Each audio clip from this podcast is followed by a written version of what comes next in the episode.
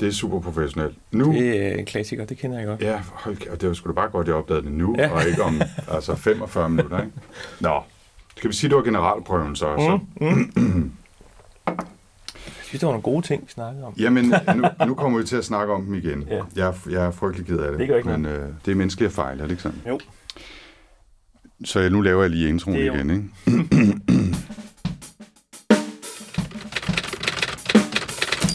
Det, der så lige skete her, var, at øh, jeg havde glemt at trykke på optageren, så øh, nu tager Lars og jeg lige den spændende introduktionssnak igen til den her podcast. Og hvem er Lars så egentlig? Det vender vi tilbage til lige om et øjeblik. Først skal, skal jeg fortælle, at det her er en podcast, der hedder Workflow. Den handler om, hvad vi arbejder med, og hvordan vi arbejder, og ikke mindst, hvilke værktøjer vi bruger. Jeg hedder Anders Høgh Nissen. Arbejde fylder meget af vores liv, og heldigvis er det for mange både meningsfuldt og interessant. Og her i Workflow, ja, der følger vi vores nørdede nysgerrighed for håndværket, for den viden og ekspertise, der følger med, og taler hver uge med en gæst, der fortæller om sit arbejde, sine rutiner, sit værktøj og sin hverdag. Og i den her uge, der har jeg altså taget min optager med under armen og er på besøg hos min gæst, hvis man kan sige det, og havde øh, snakket med, med ham i 10 minutter, før det gik op for mig, at jeg havde glemt at trykke på optag, så derfor er det her anden runde med Lars. Og Lars, fortæl lige øh, kort om, hvem du er igen. Ja. jeg hedder Lars Wagner, og er øh, trommeslager, musiker, freelance musiker i et hav af sammenhæng. Og øh, så underviser jeg på Kolding MGK, musikalsk grundkursus, øh, et par gange om ugen. Øh, så mit liv, det er sådan, arbejdsliv, det er sådan et, et kludetæppe af, af mange forskellige musikalske genrer og forskellige musikalske gørmål, kan man sige. Nu står der et, øh, et stort trommesæt herover i hjørnet af dit kælderstudie, hvor vi sidder og optager i Aarhus. Og øh, der er så også en hel masse mikrofoner og mikrofonstativer og computer og et keyboard og sådan noget her. Men trommerne er vel dit hovedinstrument? Helt, helt klart. Øh, det er det, jeg bruger mest tid på, og har brugt mest tid på. Og så er jeg begyndt at øh, interessere mig for, for en del år siden at indspille, og øh, har så lavet det her lille studie i min kælder, skråstrej øvelokale, hvor vi sidder nu, øh, hvor jeg kan øve mig og lave musik og indspille trommer for, for andre, som skal bruge trommer på deres musik. Og nu, øh, nu snakker vi om, om studiet her. Du nævner, at vi sidder i kælderlokalet. Mm.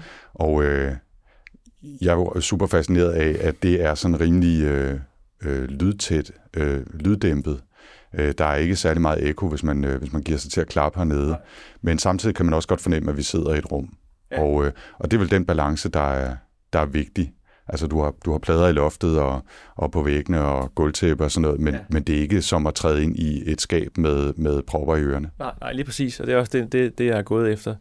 Øh, jeg har ligesom, vi boede i et andet hus før, hvor jeg startede det her op med at have øvelokale skråstrej studie derhjemme, og fandt ud af, hvor, hvor levende det rum var, det kælderrum var, og hvor dårligt det fungerede i virkeligheden til at indspille noget som helst i, eller også sidde og spille i, øve i.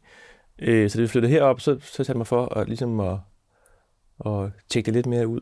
Og så øh, snakkede jeg med nogle kolleger om det, som vidste noget om det her, og jeg prøvede mig frem med forskellige med puder og madrasser op ad væggen, for at se, hvordan, hvad jeg kunne gøre med lyd. og fandt ud af, at jeg kunne nå rimelig langt. Og så øh, ville jeg gerne have, at der var lidt mere prof og lækkert at se på. Så jeg købte sådan nogle rockfonplader, som de hedder, som så sidder her og har lavet sådan en cloud, som det hedder på studiesprog, over, over bordet, som vi sidder ved, hvor jeg sidder og mixer og lytter. Og over der, hvor sættet står i mit lokale. Og så sidder der også nogle plader på udvalgte vægge. Og der sidder et, øh, hænger sådan en gardin i den ene ende lokale, som, som dels dæmper og dels skjuler reolen med alle rodet og trommerne på. Ikke? Så det er også lidt øh, indretningsarkitektur, at der, at der ja, hænger et gardin og, ja. og skjuler det værste.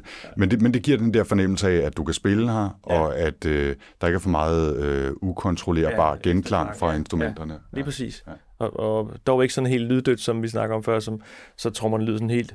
Altså man nærmest får proppe i ørene, når man går ind i lokalet. For det er ikke så rart at, at spille i. Instrumentet må gerne lyde godt, der hvor man sidder. Er det, er det heller ikke rart at optage instrumenterne i sådan et rum, eller er det... Hvad, altså, det er ikke rart at sidde i måske, men vil det være rart at få den fuldstændig rene lyd uden noget som helst, eller er det okay, at man kan høre rummet også af, at du har siddet her og indspillet? Altså, det, som jeg ser det, så det bedste øh, resultat, det opnår man nok, hvis, hvis rummet lyder godt, hvis instrumentet lyder godt i rummet. Og om rummet så er helt dæmpet, eller om du sidder i, i der findes jo for eksempel Lundgaard-studiet nede ved vejen, som, som har en kæmpe stor gammel lade, man sidder og indspiller i. Ikke? Der har jeg også indspillet mange gange. Og det er jo enormt levende, det rum, men det lyder pissegodt. Mm. Så, så det kan man sagtens gøre. Ja. Det er bedre, at det lyder godt, end det lyder fuldstændig rent. Ja, det kan man godt sige, ja. ja. ja. Jeg kender det lidt fra, øh, når jeg har, har nørdet lidt ud med hovedtelefoner for eksempel, eller, ja. eller højtalere, at, at den der fuldstændig rene frekvensrespons kan være svær at lytte på. For det kan godt være, det er det, det er mixet på og så videre, ja. men det er ikke nødvendigvis det, der lyder godt. Ja. Kunsten er at finde den kombination af forstærker, højtaler, hovedtelefoner, hvad ja. det nu er, ja. som man synes lyder ja. godt, og som måske tweaker musikken en lille bitte smule ja. øh, i forhold til det, man gerne vil have. Og det kan også være individuelt eller, eller personligt, hvordan man lige synes, hvad du synes lyder godt, kan være, jeg ikke synes lyder særlig godt, og omvendt. Ikke? Så. Og så apropos øh, det med rummet, så... Øh, så var jeg jo på besøg engang, øh, som jeg fortalte i den del af optagelsen, som ikke er blevet optaget. Nu skal jeg nok holde kæft med at nævne øh, det igen. Mm, jeg var på besøg hos, øh, hos BRU, som har sådan et, BRO, som har sådan et øh, forsknings lokale, hvor de tester deres udstyr, ikke? og hvor der er sådan nogle kileformede pyramider af skum øh, alle vejen, også på gulvet under en ja. rist, som man går på, ja. og, og der bliver man fuldstændig svimmel af at gå ind i. Ja. Øh, de ja. havde også et ude på det gamle KUA, øh, Københavns Universitet Amager, ja. øh, fordi de havde et andet institut, som arbejdede med audiologi, eller hvad pokker det nu ja. var, ja. øh, og hvor jeg lavede nogle speaks til en video engang, og sad inde i det der rum, og blev fuldstændig mærkelig i hovedet, ikke? og der hang en mikrofon ned fra loftet, og sådan, jeg man husker det, så sad man nærmest i sådan en tandlæge lægestol, fordi man skulle have munden lige præcis på det rigtige ja, sted. Ja, ja. Det, var, det, men det var frygteligt at være i, og ja. man blev svimmel og mærkelig i hovedet. Det gælder også på, uden at jeg er ekspert i det, at det må være fordi, at vi jo som vi reagerer på, vi hører refleksionerne fra, fra væggene også, ikke? Og hvis de er helt væk, så kan du ikke rigtig, hvor er jeg henne? Jamen, det er svært og det må være det samme ja. med, med en instrument, du så spiller på, så kan du ikke høre det på samme måde, som du er vant til. Mm. Det samme sker egentlig, hvis man øh, tit, når man spiller trommer, så bliver man pakke ind i sådan nogle plexiglasplader, fordi det siger lidt højt, ikke? Og det vil sige, at der står sådan en plade lige her, op ad dit instrument, eller op ad dit, din stemme, ikke? Det kan man godt høre. Der lyder trommerne faktisk ikke særlig godt bag sådan en, fordi man får det, det bliver sådan, øh, det, det, ja, det kommer til at lyde skidt. får du det så, og skal jeg huske at tale i mikrofonen, det er flot, øh, vi er alle sammen professionelle her, nogen mere end andre.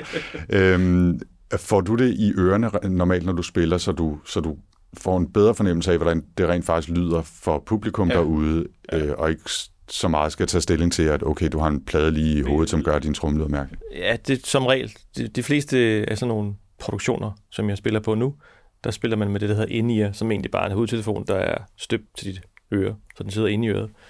Øh, og det gør alle så, det vil sige, at, at alle får deres lyd, også deres egen lyd, direkte i ørerne. Det gør lydmanden glad, for så kan han kontrollere lyden ud i salen meget bedre. Så ja, man får, det, man får en, en bedre lyd end en reel lyd, kan man sige. Som jeg mærker ikke rigtig væggen. Man kan godt fornemme det alligevel, fordi, fordi for eksempel de Ineas, jeg har, der har jeg sådan lidt, øh, de er lidt åbne, halvåbne, så jeg kan godt fornemme instrumentet, fordi jeg kan ikke lide at være sådan helt pakket væk og være afhængig af en mikrofon. Så jeg kan godt mærke det, altså, og det vender man så bare til. Det er man nødt til fungerer de også som en, altså en lyddæmpning, der gør, at øh, du måske har større chance for at have din fulde hørelse, når du bliver gammel. Øh, ja, ja, ja. Og så øh, den type, jeg har valgt, der kan man så skifte øh, filteret ud. Så jeg kan også lukke dem helt, hvis jeg står ved siden af en guitarforstærker, der skriger, ikke? eller noget andet, som larmer mere end trommerne. Ja. Det, det er der nok ikke så meget, der gør, der det? Nej. Og nogle gange kan man faktisk godt møde en guitarist, som spiller højt. Ja. ja. Jeg tager også lille kaffe, mens den er varm. Lars, nu kommer vi jo til at kaste os øh, direkte øh, hovedkuls ud i nørderiet ja. omkring øh, både lyddæmning og trommer og sådan noget. Det, er garant, det vender vi øh, garanteret tilbage til, men for lige at få sådan lidt af skabelseshistorien, lad os kalde den det, øh, så har jeg tænkt lidt over, hvordan bliver man trommeslager? Ja. Eller hvordan er du blevet trommeslager? Ja. Øh, for at gøre en kort historie lang, mm. øh, så startede jeg øh, med at spille i et skoleorkester på den skole, jeg gik på. Øh, der var pludselig en ledig plads på trommerne, og så øh, sagde det vil jeg gerne. Det var min øh, sløjtlærer, kan jeg huske, der også var skoleorkesterleder.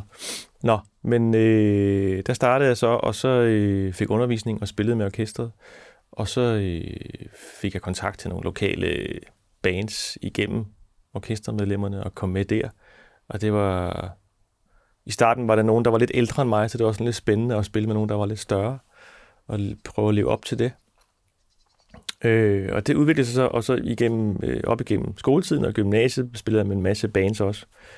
Øh, og så efter gymnasiet, der, der øh, gennem forskellige bekendtskaber kom jeg med i Tommy Sebaks orkester.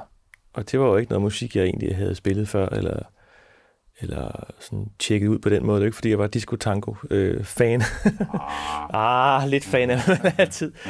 Øh, men det, så, så var jeg der og spillede sammen med nogle gode mennesker, og så spillede jeg faktisk med ham i syv år, havde en masse fede oplevelser, var med i, i Grand Prix her i Danmark, og med i Irland, og vi lavede nogle plader, og det var skide sjovt. Og øh, så efter det, der, der, eller omkring slutningen af det, der stødte jeg ind på konservatoriet i København, på Rytmisk Musikkonservatorium, som det hedder. Hvor er vi henne sådan årstalsmæssigt? Der er vi jo så i, vi må være i en 93 stykker, så jeg startede på Kons i 94. Og dengang var det sådan en øh, fireårig uddannelse, øh, hvor man så dels lærer at blive endnu bedre til at spille på trommer, og man øh, får også noget pædagogisk undervisning i, i at undervise, som jeg allerede havde en del erfaring i, fordi jeg så var begyndt at undervise selv på den skole, hvor jeg havde gået til at starte med. Øhm, så gik jeg der, og så øh, tog jeg de der fire år, og så tog jeg også et femte år, som er sådan en diplom, man kunne tage dengang. Undervejs på femte år, eller fire-femte år, der, der øh, eller undervejs i min konsttid, der begynder jeg at spille øh, en del teater i København. Øh, igen, fordi jeg kender nogen, der kender nogen, som pludselig, hey, vi skal bruge en trommeslager, jeg skal bruge en afløser, hvem øh, kender I? Det er tit sådan, det sker inden for den her branche, at man kender nogen, der kender nogen. Øh, netværk, netværk, netværk. Øh, og så øh, spillede jeg en del teater og mødte nogle mennesker der. Jeg mødte blandt andet en fyr, der hedder Jesper Meilvang, som spiller keyboard og spillede med Jan Glæsel dengang. På et tidspunkt får jeg så at vide Jesper, at, at Glæsel mangler en trommeslager. Jeg skal bruge en ny trommeslager. Og så er jeg i virkeligheden så fræk at tage telefonen og ringe til ham og sige, skal du ikke bruge mig? Og så... Øh, du lagde telefonen ved trommesætter, og så ja. gav, du, gav du den bare gas? Ej, jeg havde lavet lidt... Øh, jeg havde været med i nogle tv-husorkestre og sådan noget. Jeg havde lavet noget, sådan noget lignende arbejde, som jeg vidste, at, at Glæsel lavede dengang. Så jeg, jeg regnede med, at jeg havde en chance, ellers havde jeg nok ikke skudt efter den. Øhm, så kom jeg med der og spillede med ham et par år, og vi lavede en masse tv og spillede nogle øh, to turnéer med Jette Torp, hvor, hvor Glæsels Orkester var backing for hende, og Glæsel producerede et par plader med Jette dengang. Og nu er vi så frem ved 98-99 stykker.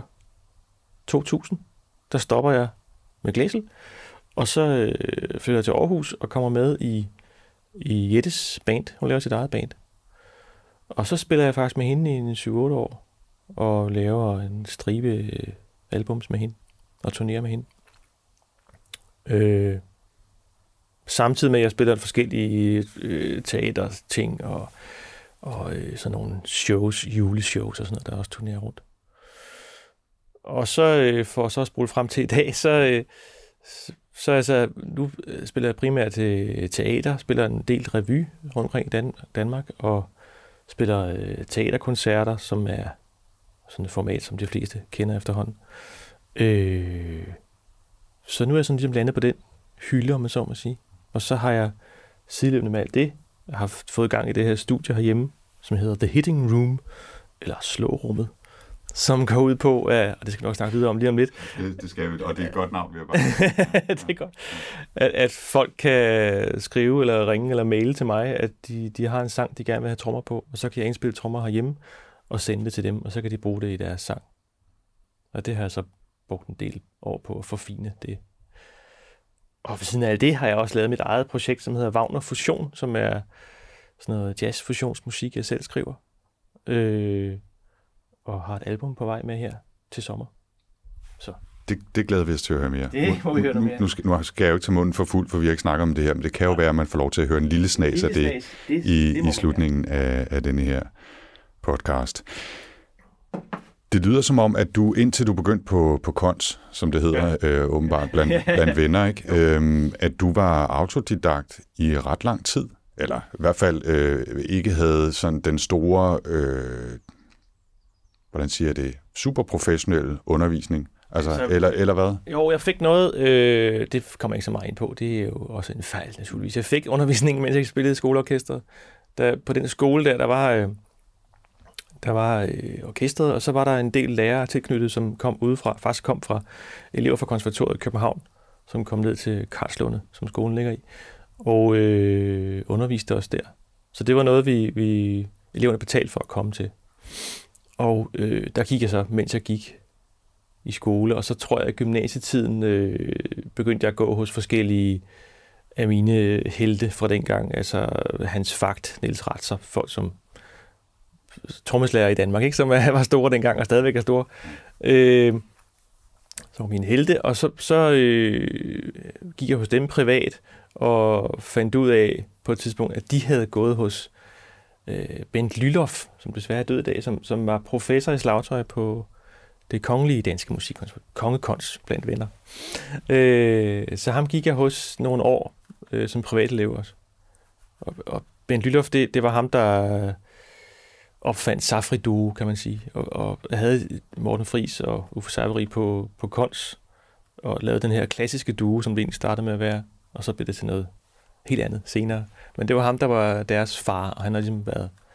Altså, der er rigtig mange, der er gået hos ham på et eller andet tidspunkt i deres trommeliv. Så du, du har fået øh, undervisning, og også før du startede ja, øh, på, ja. på kons. Ja. Men du startede jo nærmest bare ved en tilfælde ved at samle stikkerne op, fordi der var, der var nogen, der skulle bruge en, en trommeslager, lød det som. Ja, øh, ja. Men, men det lød også som om, du rimelig hurtigt vidste, at det her, det var sgu sjovt, eller det var noget for dig. Kan, ja. kan, du, kan du huske den fornemmelse af at tænke, det her, det er det, jeg gerne vil. Øh, og havde du forestillet dig, at du, jeg ved ikke, hvor mange år øh, senere skulle, skulle sidde og være professionel? Jeg tror ikke, jeg havde drømt om, at jeg skulle være professionel den lige til at starte med, men, men jeg kan huske, at jeg havde øh, på børneværelse, jeg fik nogle trommestikker en gang, da jeg var helt lille knægt, øh, som desværre ikke har mere. Det kunne være sjovt at have dem, det sæt der, ikke? Øh, og der havde jeg siddet på, på børneværelset og lavet øh, klassiske trommesæt med papkasser, ikke? Og spillet på det og, og mimet til gasolinplader, eller hvad jeg nu havde, ikke? øh, jeg, jeg bliver helt varm, men også det, det, det kan jeg også huske det der. Du skulle have haft den her kop jo. Ikke? oh, ja, Jamen, jeg har Jolly, Jolly Cola-koppen, det er lige så godt. Ja. øh, og så kan jeg også huske, at øh, min mor skubbede på. Hun skal have noget credit, fordi hun, har, hun ville gerne have, at jeg lærte at spille på et instrument, dengang jeg var, gik i skole. Og jeg tror selvfølgelig nok, hun har tænkt øh, klaver eller guitar eller noget andet, man kunne ja. spille musik på, ikke? Og så kommer drengen hjem og vil gerne spille trommer. Det tror jeg ikke lige, hun har regnet med. Men sådan blev det.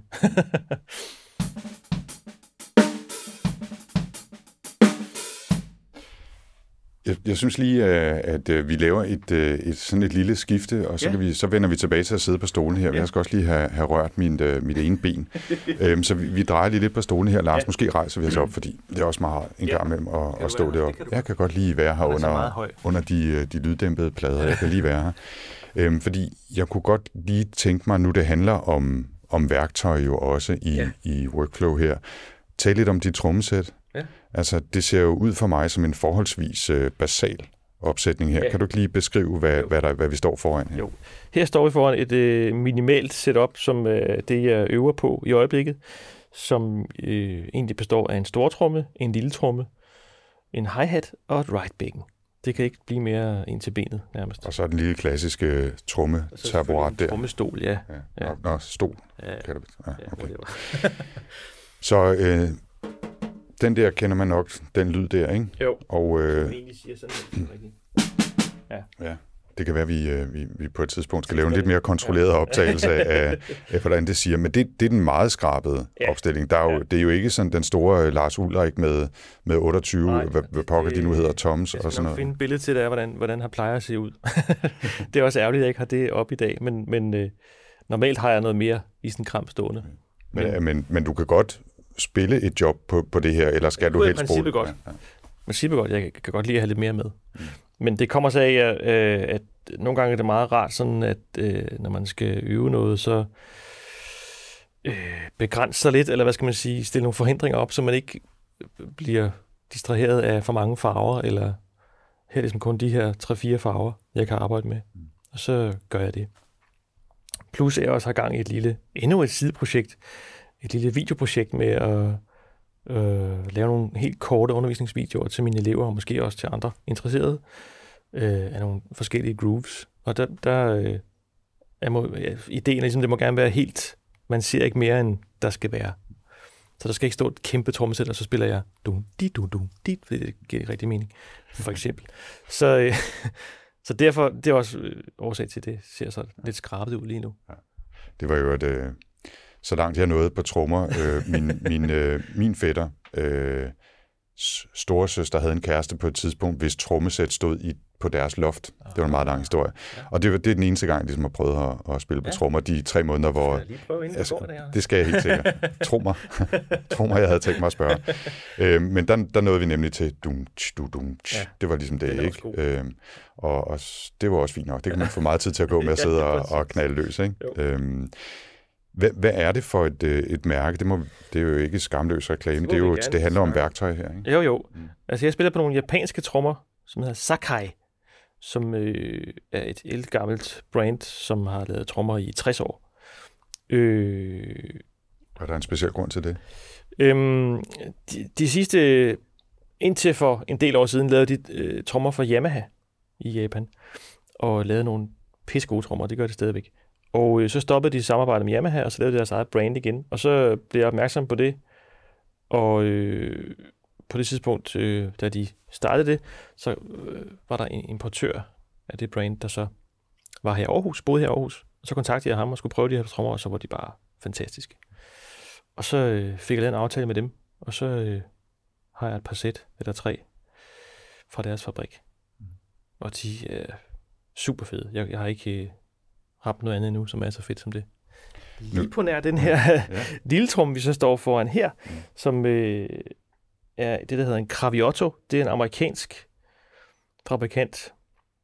Jeg har lige købt den øh, brugt, og den lyder fantastisk. Øh, det, der er specielt ved den, nu bliver det meget nørdet. Øh, normale, giv den gas. Giv den gas. Normalt trommekedler, de er jo egentlig lavet finere, altså tynde plader af træ, der så er limet sammen og formet til en trommekedel.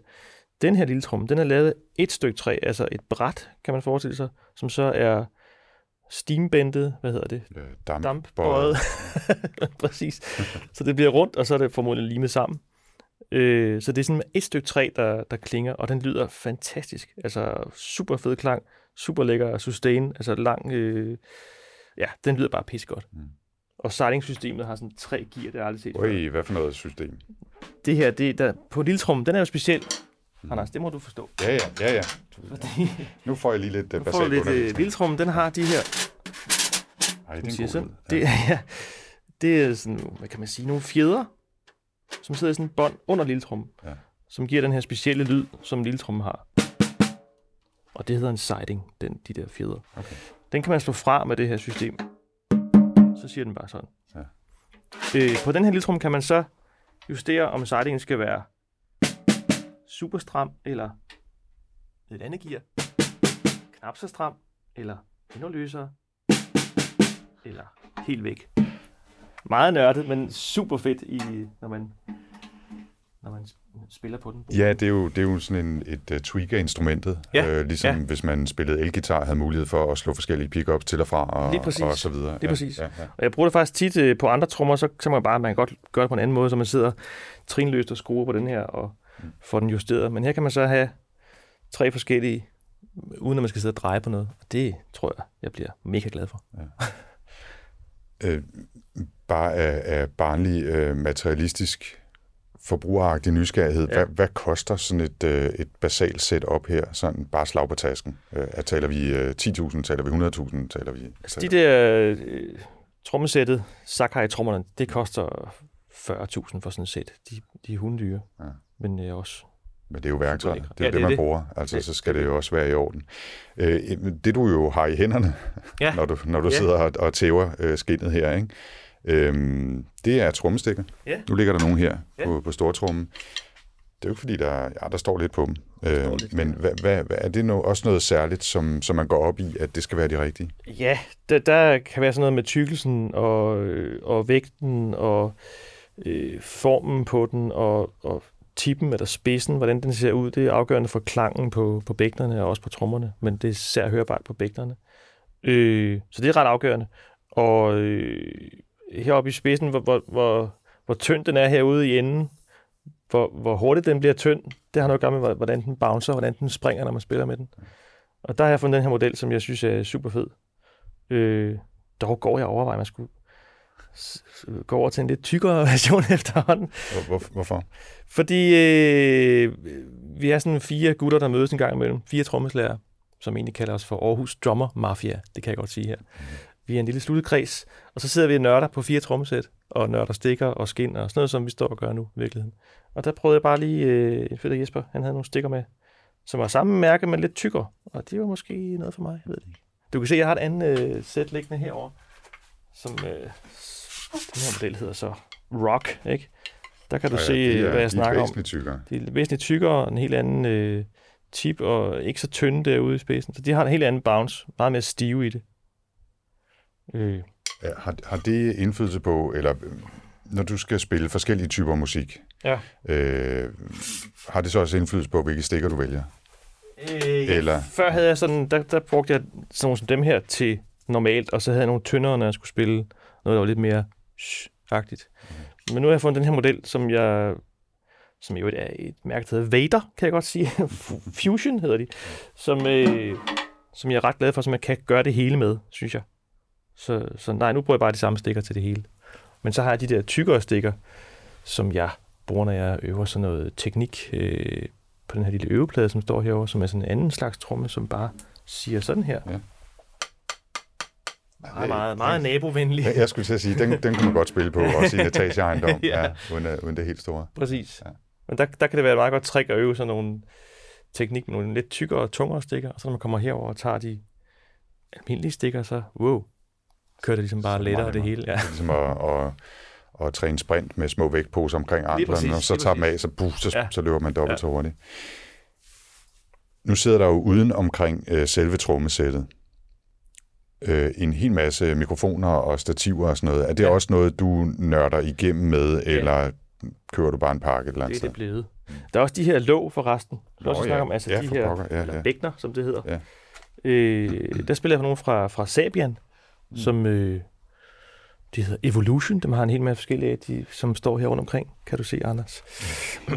Ja, der er det, øh, det ligner en messingfabrik øh, i hjørnerne. Ja. Øh, og jeg har også nogle, der hedder, hvad fanden hedder de? Artisan.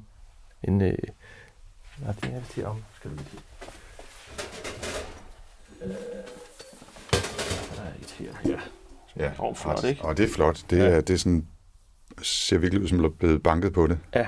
ja. det er sådan håndlavet se fra Og det er så, kan jeg fortælle, en øh, 45 cm crash Ja, præcis. fra Sabian. Det lyder som glas. Altså. Det. Dem har jeg nogle stykker af også. Ja. De er så også, nå ja, hundedyr, men det lyder satme godt. Der får man sådan en lille futteral med her til, nej ikke her, jo. Selvfølgelig, som man til kan. hvert bækken, ikke? Og nede i ligger der et lille dokument, hvor man kan se, oh, hvor man kan se, øh, jeg mener, man kan se, hvem, ja, hvem der har lavet det. ja, Og det er nummer øh, 4353 Ja. af den her type bæk. han hedder Jay Milley, ham der har tjekket det her produkt. Det er, det er jo klassisk, at øh, Sali Dan Toral sagde jo engang, at øh, hobbyer skal være to ting. Øh, De skal et være tidskrævende, og to være dyre. Ja. Og øh, nu, vil jeg, nu vil jeg ikke kalde det her en hobby, øh, Lars, for, for det er jo i høj grad et job. Men, øh, men det lader til at opfylde begge, Ja, til begge ting. begge, begge kriterier. Og så lige en sjov anekdote, det her. Det Ja, det var- er vi var i gang med hatten øh, der. Det er en hi-hat, som øh, jo er ser lidt gammel ud, kan du se. Og det var en, jeg faldt over, som øh, en god ven, Esben Dus, havde til salg. Som også er en Sabian, den er bare fra 80'erne engang. Så den er ikke så pæn og med tryk og alt muligt. Der gjorde det ikke så meget ud af reklamen dengang. Men der står Sabian et eller andet sted der. Det er bare slidt af. Ja, og det, Men, hvad men den, den lyder, det var i den rigtige, taget. det var den, der lød, som den skulle. Ja, og den lyder så anderledes end de andre 4-5 hi-hatter, jeg har. Så det, Og så var det det med mikrofonen Mikrofoner, der, det, ja. det har du også øh, kastet over og Ja. nørdet på, fordi, og, og nu spørger jeg så, er det så bare til studiet her, eller har du også så et sæt, du rejser med, eller er det typisk noget, det sted, du spiller for, har? Ja, det er typisk, de, øh, jeg har valgt at ikke at tage det her med nogen steder hen andet end her. Okay. Øh, det er typisk de der produktioner, man er på, eller teater, man er på, som så har noget, og står for den side af det. Øh, så det her, det, det bruger jeg mest herhjemme, eller primært herhjemme, kun herhjemme, kan jeg sige. Men, men ja, og så er der jo stativer alle hvide vejen, så, så øh, du kan have forskellige trommer Ja. i forskellige opsætninger, Ja. gætter, øh, gætter jeg på. Ja. Og så selvfølgelig også øh, stativer til mikrofonerne, så de kan placeres. Og så plejer jeg også at have faktisk den mikrofon, der står der. Der er sådan en meget lang ledning på. Ja. Der plejer jeg at lukke den der dør op, og så stille mikrofonen derud i det der lille rum, Ude i som, trappelokalet. Ja. ja. som er sådan meget mere levende, end det her rum er. Så øh, har jeg faktisk to mikrofoner stående derude, så optager jeg stereo, og så kan jeg blande den der enormt levende lyd ind med den helt tørre lyd herindefra, når jeg sidder og mixer. Så bliver det meget teknisk, men det, det gør, at det, det, det kommer til at lyde endnu federe. Du kan ikke blive for teknisk Det er til, til, til, til den her podcast, det er jeg ret har været på. heldig, kan man sige, at, at det der lille, den lille trappegang derude lyder godt. Fordi det kunne så godt være, at det bare sagde ingenting, eller lød dårligt. Men altså lyder, lyder godt til trommer, øh, Ja, når altså, du lige præcis går den efter den lyd, fordi du skal ting. også kunne lukke og, Ja, ja. og, og kun bruge lyden Ja, herindefra. ja. Øh, og så har jeg også forskellige øh, setups til de to, der står der. Mm. De tager ligesom hele sættet. Det gør de to der også. De to blandet sammen giver den ultimative. Altså, ja, jeg kunne blive ved i mange timer om det. Men, og man, og man, kunne, øh, man kunne sikkert også blive ved i mange år med at, at Ja. tweake og forfine setup'et og eksperimentere med det gør man også. På mikrofoner. tidspunkt, så man også lige, lige slå bremsen i og sige, nu, nu lyder det godt. Nu, øh, nu er det sådan her, det er. Ja. Ja. Men så finder man pludselig dem der, det var nogle, jeg købte brugt også i, jeg var sådan en fyr i Aalborg, tror jeg, ikke? Som havde dem til salg og tænkte, dem skal jeg lige prøve. Fordi det var sådan en kanadisk, øh, han lavede dem ikke mere og sådan noget. Det må jeg lige prøve. De er helt lineære, det vil sige, de gengiver fuldstændig, som tingene lyder. Farver dem slet ikke. Og det er meget rart, når man skal indspille noget, og man sådan kan høre, sådan her er det, og så kan man selv farve den bagefter. Ja. Skal lige se en sjov en, jeg Ja, har det skal den Ja, ja. side af Du viser vej. stortrummen. Og der er, øh, ja, det er jo ikke et voldsomt stort rum. Hvad er det? 15 kvadratmeter eller sådan noget en stil, ikke? Ja. Og, øh, og der er jo altså både et trommesæt og et helt studiesetup og øh, stativer og kabler hele Det er vejen. et enmandslokale, som jeg sagde men øh, jeg er glad for at få, få lov til at komme på besøg. Nå, hvad, ja, det ligner en, en totalt forvokset gammel radiomikrofon fra 50'erne, eller Ja. sådan en stor øh, øh, kiksekasse, rund Det er virkelig sådan et kiksekasse. gammelt trick, som man bruger i mange studier. Øh, du kan se, der sidder en højtaler derinde i. Mhm. Virkelig er en højtaler, som er hvad hedder det, sat omvendt sammen, så den fungerer som mikrofon. Og så sidder der sikkert noget elektronik herinde også. De har forfinet lidt. Pakket ind i en fin, rund øh, kasse, kan man sige. Og så står den på en fod hernede foran stortrummen. Og fidusen ved det er, at den fanger al øh, den dybe lyd, de lækre, den lækre bund fra stortrummen. Og når så bander den mikrofon sammen med den, der står inde i stortrummen, som giver noget mere attack, så får jeg det hele med. Og det er super lækkert. Ja, fordi der er jo så... Øh, det er jo meget interessant for mig at se heromme på den anden side, det tror jeg aldrig, jeg har lagt mærke til, øh, at, at der er bagsiden på, på stortrummen her, ja. Ja. så er der en lille cirkelformet åbning, som øh, der så også er stukket en mikrofon, Ja. sådan helt ind i, Præcis. i, i trummen. Hvad sagde du? Trummetønden? Var det den korrekte betegnelse? Ja, det kan godt være, jeg sagde det. Kedlen, ja. Kedlen sagde du. Det Ja, var det er det, kedlen, sagde, sagde du. Ja. Du sagde kedlen. øh, det var bare mig, der husker forkert. Øhm, og så blandingen af de to der er, Ja. er helt Og optimalt. der har jeg jo haft... Øh, nu lukker vi op til det. Eller hele det. Åh oh ja, det her er en af. Og, og alle, hold nu op. Det er jo et helt bibliotek af trommer, du har herinde.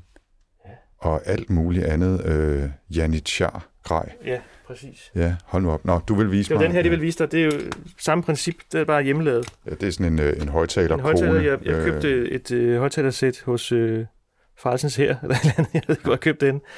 Og som kostede 150 kroner eller noget. Og tog med hjem og splittede med. Tog højtaleren ud. Så fik jeg en kammerat til at lodde kabel på. Jeg har en klovn til at lodde. Og så har den egentlig fungeret efter samme princip, bare foran stortrum her, så over i, i øh, lydkortet. Ikke? Men nu har du så købt den. Den ser også Fordi lidt den, pænere ud. den ser mere lækker ud, og den, øh, den er så, det, det siger elek- elektronikken, inden, den, er- den er gearet helt rigtigt, så den lyder helt rigtigt. Den her skulle jeg, der skulle jeg lige tweak den lidt, for den lød rigtig fedt. Ja. Så det, det er nemmere det der. Det, den gør det, den skal. Det er klart. Men jeg er ikke smidt den ud, man kan godt. Det kunne være, man kunne bruge den en dag. Den en dag Og den har jo også en vis øh, nostalgisk Ja, det har den jo. Det har den jo. Altså, øh, nu er en af mine nørdeting i, over i den her ende af spektret, det er jo mikrofoner og sådan noget. Det, Ja. det kunne vi utvivlsomt bruge lang tid på, og jeg er Ja. også sikker på, at jeg vil prøve at lokke dig ud af lokalet på et tidspunkt, fordi jeg tror, jeg tror ikke, du har helt styr over alt, hvad der Hvad er har. inde på de her hylder. Så jeg tror jeg godt, jeg kunne slippe afsted med at, at, at løbe med en, en røde eller, eller et eller andet, men det, det, det, det skulle jeg nok ikke have sagt her. Anders, der er ikke noget i. Nå, okay, ja, nå, så er det jo ikke sjovt. Ej, vi må hellere, vi må hellere trække for her. Det er jo der er ellers, masser af øh, lille trommer, det er rigtigt nok. der er masser af trommer her, og i, i øvrigt forskellige farver og materialer og Ja, ja, alt muligt andet, og de lyder sikkert alt sammen lidt forskelligt, og du har rimelig godt styr på, hvordan de lyder, og så kan du hive en ud, hvis du leder efter en Ja. ja. bestemt lyd. Netop. Det, det er i, sådan i, hvad skal man sige, moderne pop-rock-musik, der er det øh, store lille tromme ret afgørende, lille tromme ret, ret afgørende, sammen med vokalen, er der nogen, der siger, fordi det, det, det betyder så meget for, for sangen, for melodien, altså øh, det, helheden, ikke? Øh, hvordan, øh, hvordan de to ting spiller sammen. Så det er fedt at have noget at vælge mellem der. Det kan betyde rigtig meget. Ej, ja. Nå, det, vi må hellere trække for, fordi ja, ellers så... Øh, og så lad, os, øh, så lad os sætte os over og lige måske få øh, en lille smule mere kaffe i Ja. Kopperne, i Jolly, Cola-koppen og gasolinkoppen. Ja. Det er meget nostalgisk alt sammen, men vi er heller ikke så langt fra den gamle by i Aarhus, så måske, så måske giver det meget god mening. det, at øh, disse kopper er købt. Okay. Og så synes jeg nemlig, øh, at, at vi skal kaste os ud i en runde mere med, med et af dine mange andre projekter. Ja. Men først lige en slurk kaffe.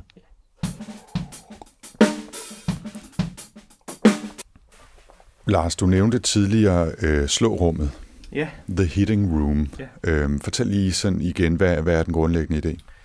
Ideen er, at jeg sidder her i min kælder med et fuldstændig køreklart øh, trommesæt market op og klar til at indspille. Og så øh, kan du, hvis du har lavet en sang, øh, og du gerne vil have trommer på den, så kan du indspille en demo og sende den til mig, mail den til mig. Og så kan jeg spille trommer på den, og så kan jeg mail tilbage til dig. Øh, skulle det lyde sådan her? Og så bliver vi enige om, at det er sådan, det skal lyde. Og så får du det færdige... Øh, Øh, du kan både få et færdigt mix af trommerne, hvordan det lyder, så kan du blande det ind i din egen, dit eget mix. Du kan også få de separate filer for hver tromme, hvis du er topnørd og gerne vil selv sidde og pille. Og så kan du selv sidde og pille og gå videre med det. Og så betaler du ved kasse 1 for det produkt. Hvor lang tid tager sådan en proces? Øh, det kommer an på, hvad det er for noget. Øh, hvis det er en helt øh, straight øh, popsang, så, så kan det tage et par timer, tre timer måske. Så, så har jeg noget, jeg kan aflevere. Øh, hvis det er... Jeg spillede for nogle år siden på sådan et amerikansk metalprojekt, som var ret avanceret, hvor de havde... Jeg endte med at få... Jeg arbejdede på et program, der hedder Pro Tools, og der kan man sætte alle mulige parametre, for eksempel taktartskift og øh, temposkift og alt muligt. Og, og den session fik jeg fra dem, og det var jeg nødt til, for det var sådan noget med, at det skiftede hele tiden. Og der var sat markers ind, altså markører, som viste, hvornår den gjorde hvad. Øh, det var et kæmpe arbejde, men det var også skide sjovt. Fordi det var en stor udfordring. Men Det, det tog noget mere tid, og det, det, der havde jeg også jeg havde givet et tilbud på, til at starte med, fordi jeg vidste godt, den, er, den kommer til at tage tid, den der. Ja, det skal ikke være det. Jamen, det er standardtakster. Ja. Pludselig så bruger man 8 uger på det. Ja, og, præcis. ja, Ja. Det skulle have været færdig i går, eller et eller andet, ikke? Men, men hvor mange øh, instruktioner får du typisk? Øh, Altså, har de specielle krav til, om det skal lyde lige præcis sådan her, Ja. ja. lige der må du gerne komme en mikrosekund tidligere ind, og ever, eller er det mere Ja. ja. sådan, det er dig, der er eksperten, øh, vi skal bare bruge nogle trommer på vores sang? Øh, det er meget forskelligt. Øh, nogle gange, de fleste, som jeg arbejder sammen med, de, de laver en, en øh, færdig demo på deres sang, og øh, med sang og hele muligheden, og med trommer også. Der findes jo frygtelige programmer, som kan, eller plugins, som kan, Easy Drummer for eksempel, som kan lave et trommespor, som faktisk lyder ret godt, ikke? Øh, og det er jo irriterende for nogen som mig.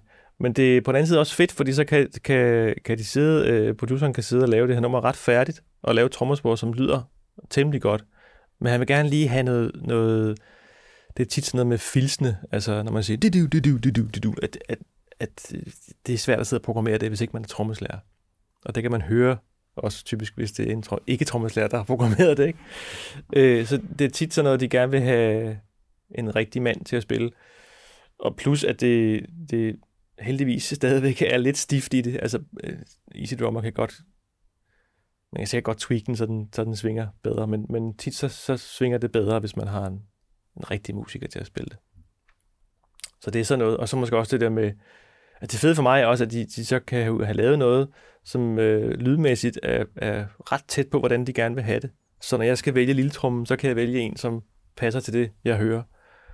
Og, og, øh, så på den måde, så, så er det ikke helt skidt med Easy Drummer, men, men Ja, det er lidt noget med, at du får en, vi vil gerne have det her bare bedre ja, instruktion, præcis. hvis man ja, skal op ja, ja. ja. Og så kan der være noget med stilart, eller, eller der kan også være en reference, at de måske sender et andet nummer med. Det skal lyde sådan ligesom det her, eller, eller prøv at tænke på Stilidan, eller et eller andet bestemt øh, andet band. Det må gerne lyde som dem, og så kan det ligesom gå efter det. Er det inden for alle genrer? Ja. Men det er klart, der er selvfølgelig nogen, øh, ligesom med alle mulige andre sammenhænge, så er der nogle mennesker, som man bare kommunikerer øh, hurtigere med og klarere med, hvor der ikke behøver at blive sagt så meget, og ikke skal skrive så mange mails og snakke så meget telefon, før vi øh, ved, hvad vi skal. Ikke?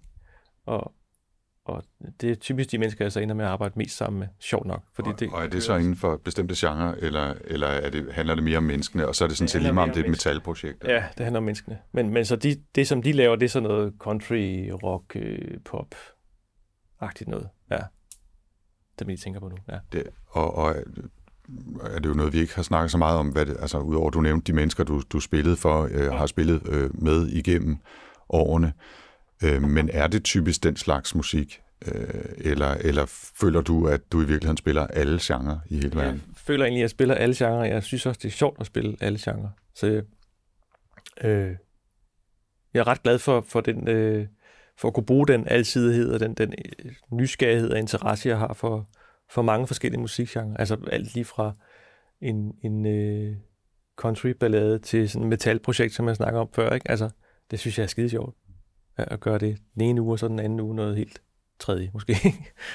hvor, hvor, hvor meget laver du? Altså, hvor, hvor stor en del af din, din daglige øh, rutine er det at skulle være hitting room og sidde og indspille trommetracks for folk rundt omkring i verden? Det er meget forskelligt. Det, som ligesom med så meget andet i den her branche, så, så klumper det tit sammen. Så kommer der pludselig en masse projekter lige oven i hinanden, og så er der gået et halvt år, hvor der ikke sker en pind. Øh, på det seneste har jeg, jeg har lavet lidt i efteråret, øh, men der brugte jeg også primært tiden på at indspille mit eget projekt og gøre det færdigt. Så der har jeg heller ikke øh, været så meget om mig med at, at øh, kontakte folk og måske gøre det mere reklame for, for tingen her. Øh, fordi jeg ligesom havde, ville gerne bruge den tid, jeg havde på min egen ting. Øh, så, så det er svært at sige, hvor meget. Måske, altså, nej, det ved jeg ikke helt, hvor meget tid jeg egentlig bruger på det. det. Det går op og ned. Ja. Som, som ja. nyslået selvstændig, så ved jeg allerede nu godt, at nogle uger har man øh, dobbeltarbejde, og ja. andre uger, så har man ikke noget at lave. Sådan er det. Ja. Men, men folk sidder rundt omkring i hele verden? Ja. Eller, ja. ja, altså til at starte med havde jeg nogle, faktisk nogle, nogle øh, kunder igen i Kanada, som var sådan nogle fyre, som så øh, tilbød øh, Øh, forskellige artister eller sangskrivere at lave en demo på deres nummer, eller af deres nummer. Og så øh, kom jeg i kontakt med dem på en eller anden måde, jeg ikke kan huske, hvordan nu. Og så lavede jeg en del for dem. Så, så var de flinke til at sende opgaver over til mig. Øh, og, og så øh, på et tidspunkt lavede jeg også en hjemmeside, som, som øh, rimelig velfungerende, og og skrev om det på forskellige platforme på, på nettet, ikke? på sociale medier. Øh, og så kom der også noget drøbende øh, af den vej. Og der har, også, der har også været en sangskriver fra England, som jeg også har lavet noget for. Og en fyr i Sverige og København. Og det, ja, det er over hele landet, hele verden. og så øh, de sender dig øh, nogle musikfiler, og ja. måske et projektfil til, til Pro Tools, hvis ja. det er rigtig ja, avanceret, ja. og så sender du en wave-file tilbage, ja. øh, og, og så kan de selv mixe det sammen. Ja. Øh, og det er vel bare Dropbox eller lignende. Præcis, det er Dropbox, vi bruger til det. Fordi det, der er også nogen, der bruger, hvad hedder det? WeTransfer. WeTransfer, ja, præcis. Men det fungerer meget godt med Dropbox, så der, der kan alle have adgang til, og især hvis du har flere, øh, da jeg lavede min egen plade der, der havde jeg jo øh, flere musikere ind over, så kunne vi have adgang til den samme mappe alle sammen, og øh, det er ret praktisk, og synes jeg fungerer upåklageligt. Kan man også, og nu er jeg ikke Pro Tools ekspert, jeg bruger andre værktøjer ja, ja, til, ja. til min øh, lydredigering, men vil man gennem Dropbox kunne dele projekter, øh, som man kan samarbejde i, altså hvor jeg henter noget ned, og ligesom man kender fra Google Docs eller ja, et eller andet tilsvarende, ja. altså hvor, hvor det bliver registreret, hvad der bliver ændret, og så kan man gå tilbage i versionshistorien, og så kan du sidde og mixe på noget på dine trommer i det samme projekt, som de ja. så mixer videre i, ja. og så videre. Øh, det kan man godt. Jeg, jeg tror faktisk, at Pro Tools har nu i de nyere versioner her lavet deres helt egen platform, hvor du kan gøre det der. Jeg har ikke prøvet det, fordi det kræver også, at den anden ende har Pro Tools, og det er ikke alle, der har det, dem jeg arbejder sammen med. Øhm, så, så, så det var det ene spørgsmål, og ja. det lyder som om, at det, det kan man måske godt. Hvis... Ja, jeg har prøvet nogle gange, hvor ja. vi har gjort det, noget, der minder om det bare i Dropbox, hvor vi har altså hele den her Pro Tools session, som, hvor alting ligger i, lægger man op i Dropbox, så kan den anden hente den ned, arbejde videre den, lægge det op, og så videre. Det er jo lidt det samme. Så, så ikke helt real-time øh, samarbejde, hvilket Nej. også sikkert vil være frygtelig besværligt og utrolig kompliceret, når det gælder lydfiler. Yeah. Men i hvert fald, I arbejder på det samme projekt. Yeah, yeah. Øh, ja. Vi kan skrive en... det samme dokument, kan man sige. Ikke? Ja, lige samme præcis. Ja, ja. Jeg ved, at der er nogen, der har eksperimenteret med at spille live sammen ja. via nettet også. Ja. Altså latency-free øh, ja, ja, øh, samspil. Er det noget, du har øh, eksperimenteret med? Eller? Det, jeg, jeg, jeg har godt tænkt på det, også i forhold til måske at kunne, øh, at det findes jo allerede, men at man underviser på nettet for eksempel. Ikke? For eksempel med de der små videoer, jeg snakker om tidligere, at, at connecte det med noget, at man så kunne undervise en, der sidder i Mexico. Ikke? Men det kræver jo selvfølgelig en mega hurtig forbindelse og, og noget udstyr.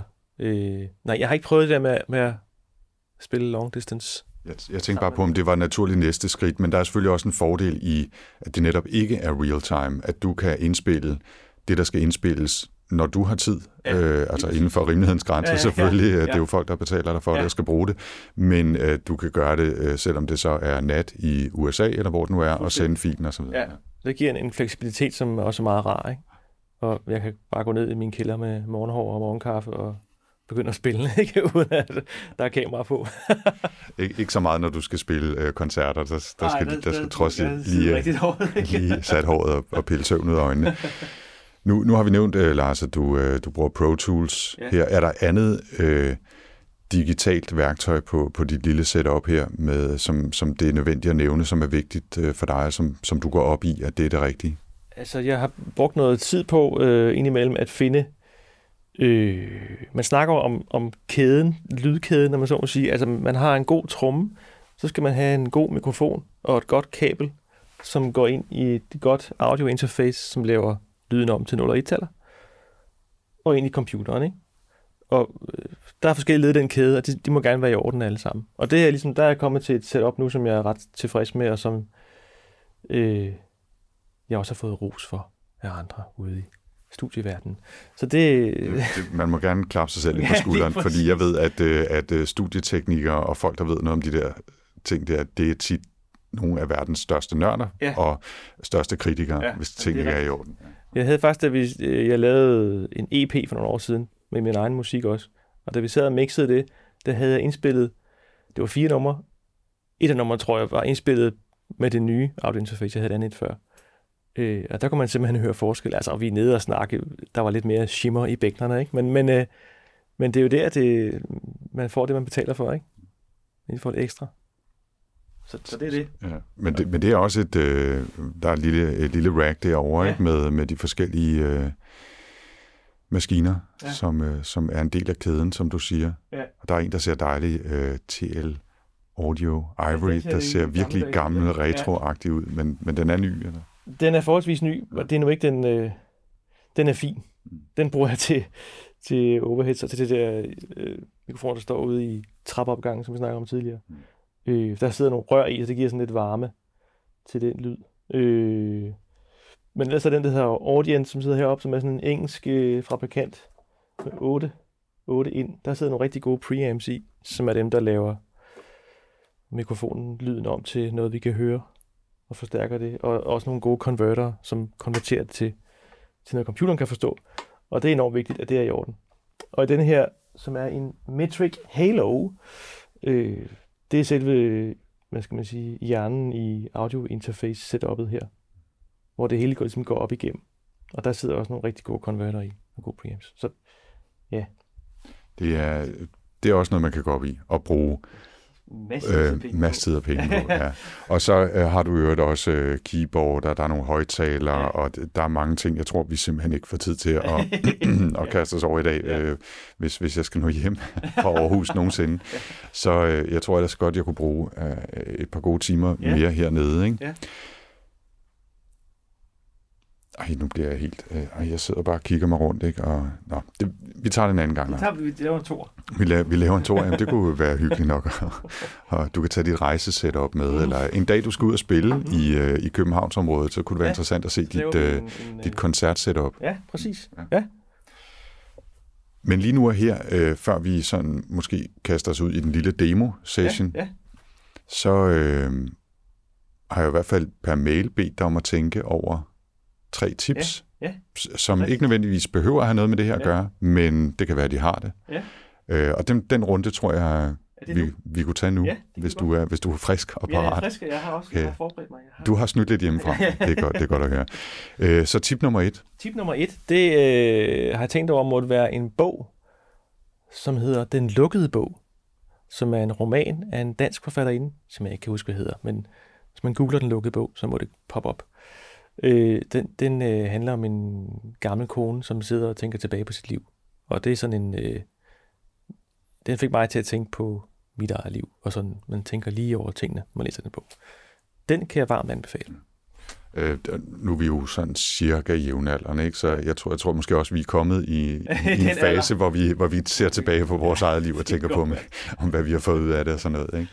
Øh, men nu hvor du siger bog, så er Peter Bastian øh, jo for nylig Ja. død, og øh, han skrev jo en bog musik, som, Ja. som, som jeg ved, ikke ved, om du har læst øh, Jeg har ind i læst musikken. mange år siden, den ligger deroppe. Jeg skal Og, læst den ja, igen. det gør den sandelig også. Den Ja. ligger lige deroppe. Og, øh, og det var en bog, der betød meget for mig. Ja. Ja. Jeg sp- spillede meget, meget lidt musik dengang. Jeg havde Ja. ja. sad og fiflede lidt med guitar Ja. og sådan noget, men, men han formår jo at, at krølle hele øh, ja, det er jo nærmest livsfilosofi ind i, i, i Ja. forholdet til Ja. musik og hvad musik Ja. gør ved en og sådan noget. Det, Ja. det tænker jeg, jeg ved, jeg vil jo ikke lægge det ord i munden, men nu er den jo deroppe, så Ja. det kunne måske være meget sjovt at genlæse og se, om den kunne betyde Lige noget for dig igen. Det er rigtig mange år siden, jeg læste den, så jeg kan nærmest ikke rigtig huske den. Og jeg tror også, det er sådan en, man godt kan læse flere gange, fordi man også flytter sig selv forhåbentlig, så man får noget andet ud af den. Så øh, den skal helt klart læses igen.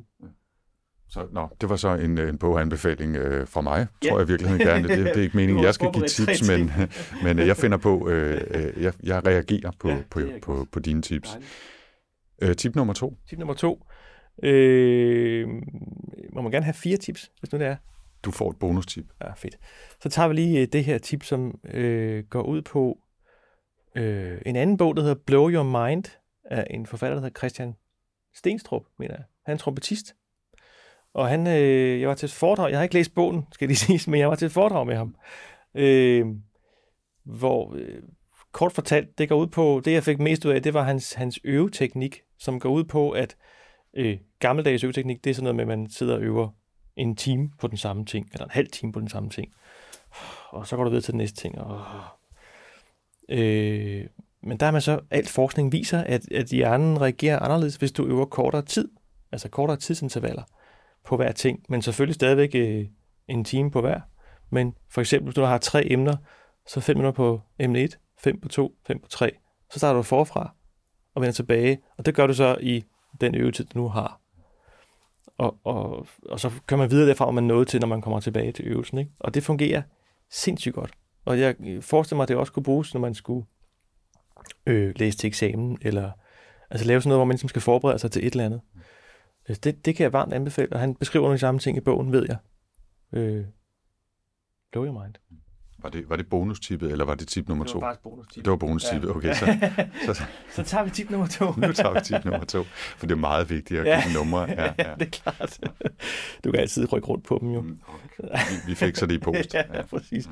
Øhm, nej, det, er altså, det er nok lidt mere tromme musikrelateret. Det er et app, som hedder til iPhone og til Android, som hedder Polynome, som er altså metronom. Metronom, det er sådan en øh, tingenot, der kan holde takten, en almindelig med at holde takten, som er sådan en gammeldags, der er også sådan en tik-tok, tik, der står.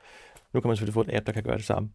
Det her app, det kan så, øh, der kan du justere alt muligt, og den kan spille i skæve taktarter og spille øh, kvintoler og septoler, og du kan programmere alt muligt. Jeg har ingen anelse om, hvad kvintoler og sekstoler er, og septoler, og jeg har ovenikøbet spillet klaver engang. 16 del, det er 4 per slag i takten. Ikke? Mm. Kvintoler, det er så 5 per slag i takten. Selvfølgelig. Ja. ja. Okay. Øh, den bruger jeg hele tiden, og den er rigtig, rigtig fed. Så, så starter man simpelthen bare appen, og så har man måske hovedtelefoner på, og, Ja, og, og, og, og får højtaleren. og så kan man holde takten ja, basalt set. ja, jeg kan sagtens øh, hurtigt demonstrere det, hvis vi... ja, ja, vi vil da høre lyden. Det vil vi da. Øh, hvor er vi henne? Vi er der. Nu er den ikke så kraftig. Det er Ja. metronom, ikke? 92 slag. Tempo i 92. minuttet. Så ligger der en andet lag hernede, øh, vi kan prøve at skrue op for.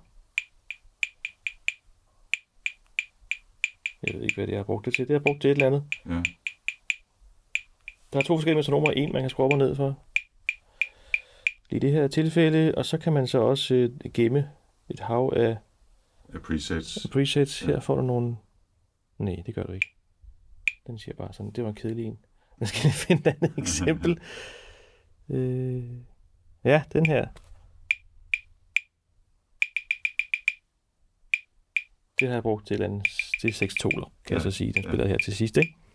Ja, seks slag i dit takslag der. Præcis.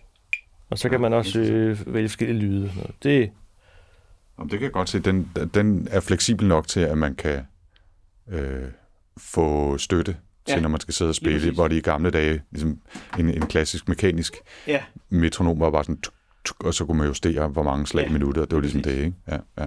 Øh, og som trommeslager, der, der er det vigtigt at være god til at holde takten, sjovt nok, at holde tempoet, og øh, der kan man godt have brug for, jeg bruger tit den øvelse også til mine elever, at man så slukker for metronom. Altså man har en metronom, en takt, og så en tom takt.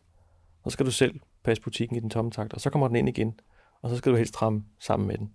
Det er en rigtig god øvelse. Og det kan man gøre med den der det app der også. Okay. Det er ikke alle metronomer, der kan, der kan Så slukke. polynom hed det. Polynom, ja.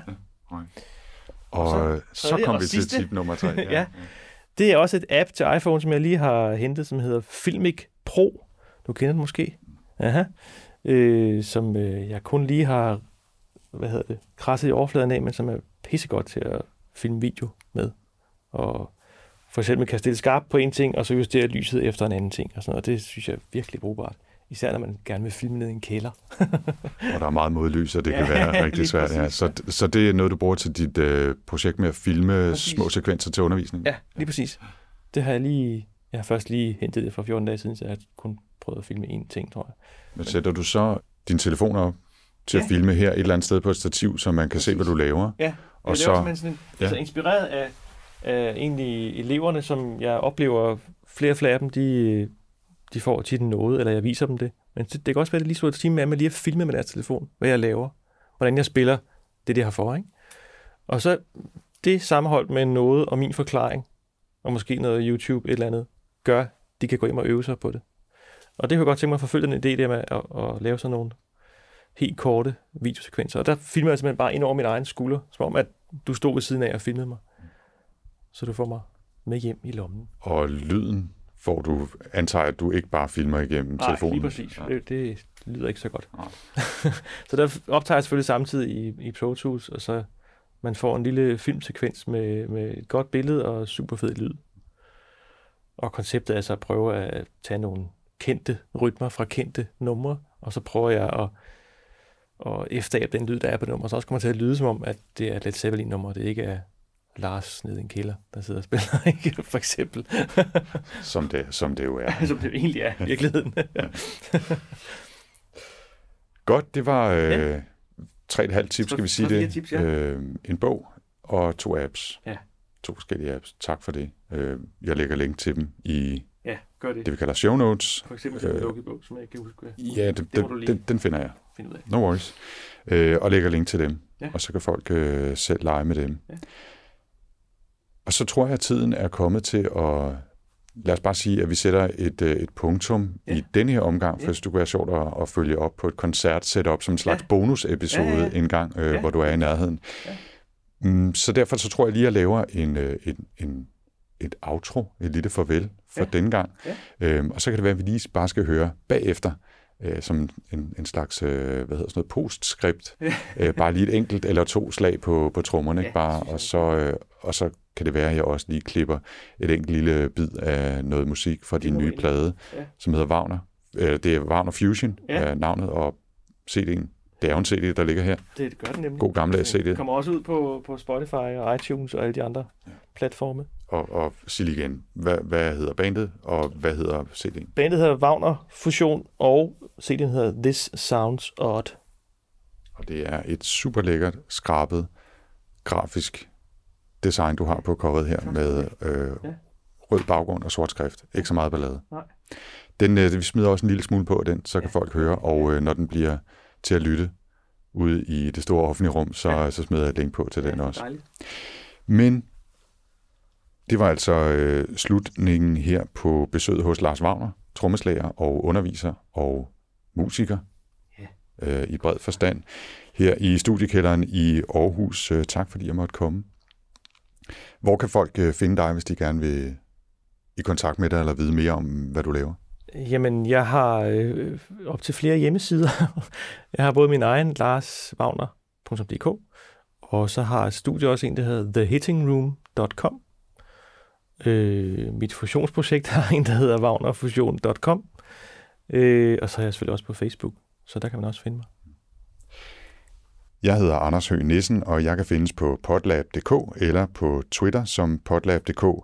Øh, så har jeg også et øh, privat Twitter-feed, hvor jeg også skriver en hel masse ting på. Der er mit øh, navn fuldstændig umuligt at sige. Det fungerer marginalt bedre på skrift, men det er 4ND3RS, og hvis man sådan forestiller sig det på skrift og kniber øjnene sammen, så kan man godt se, der står Anders. Okay. Ja, det var smart øh, dengang. jeg ved ikke, hvor smart det er nu, men det er i hvert fald der, 4ND3RS, eller altså potlab dk. Tilbage er der så bare, ah, næsten bare at sige på genhør og tak for denne gang, fordi efter den lille outro-klip her, så kommer der lidt trommer og lidt musik.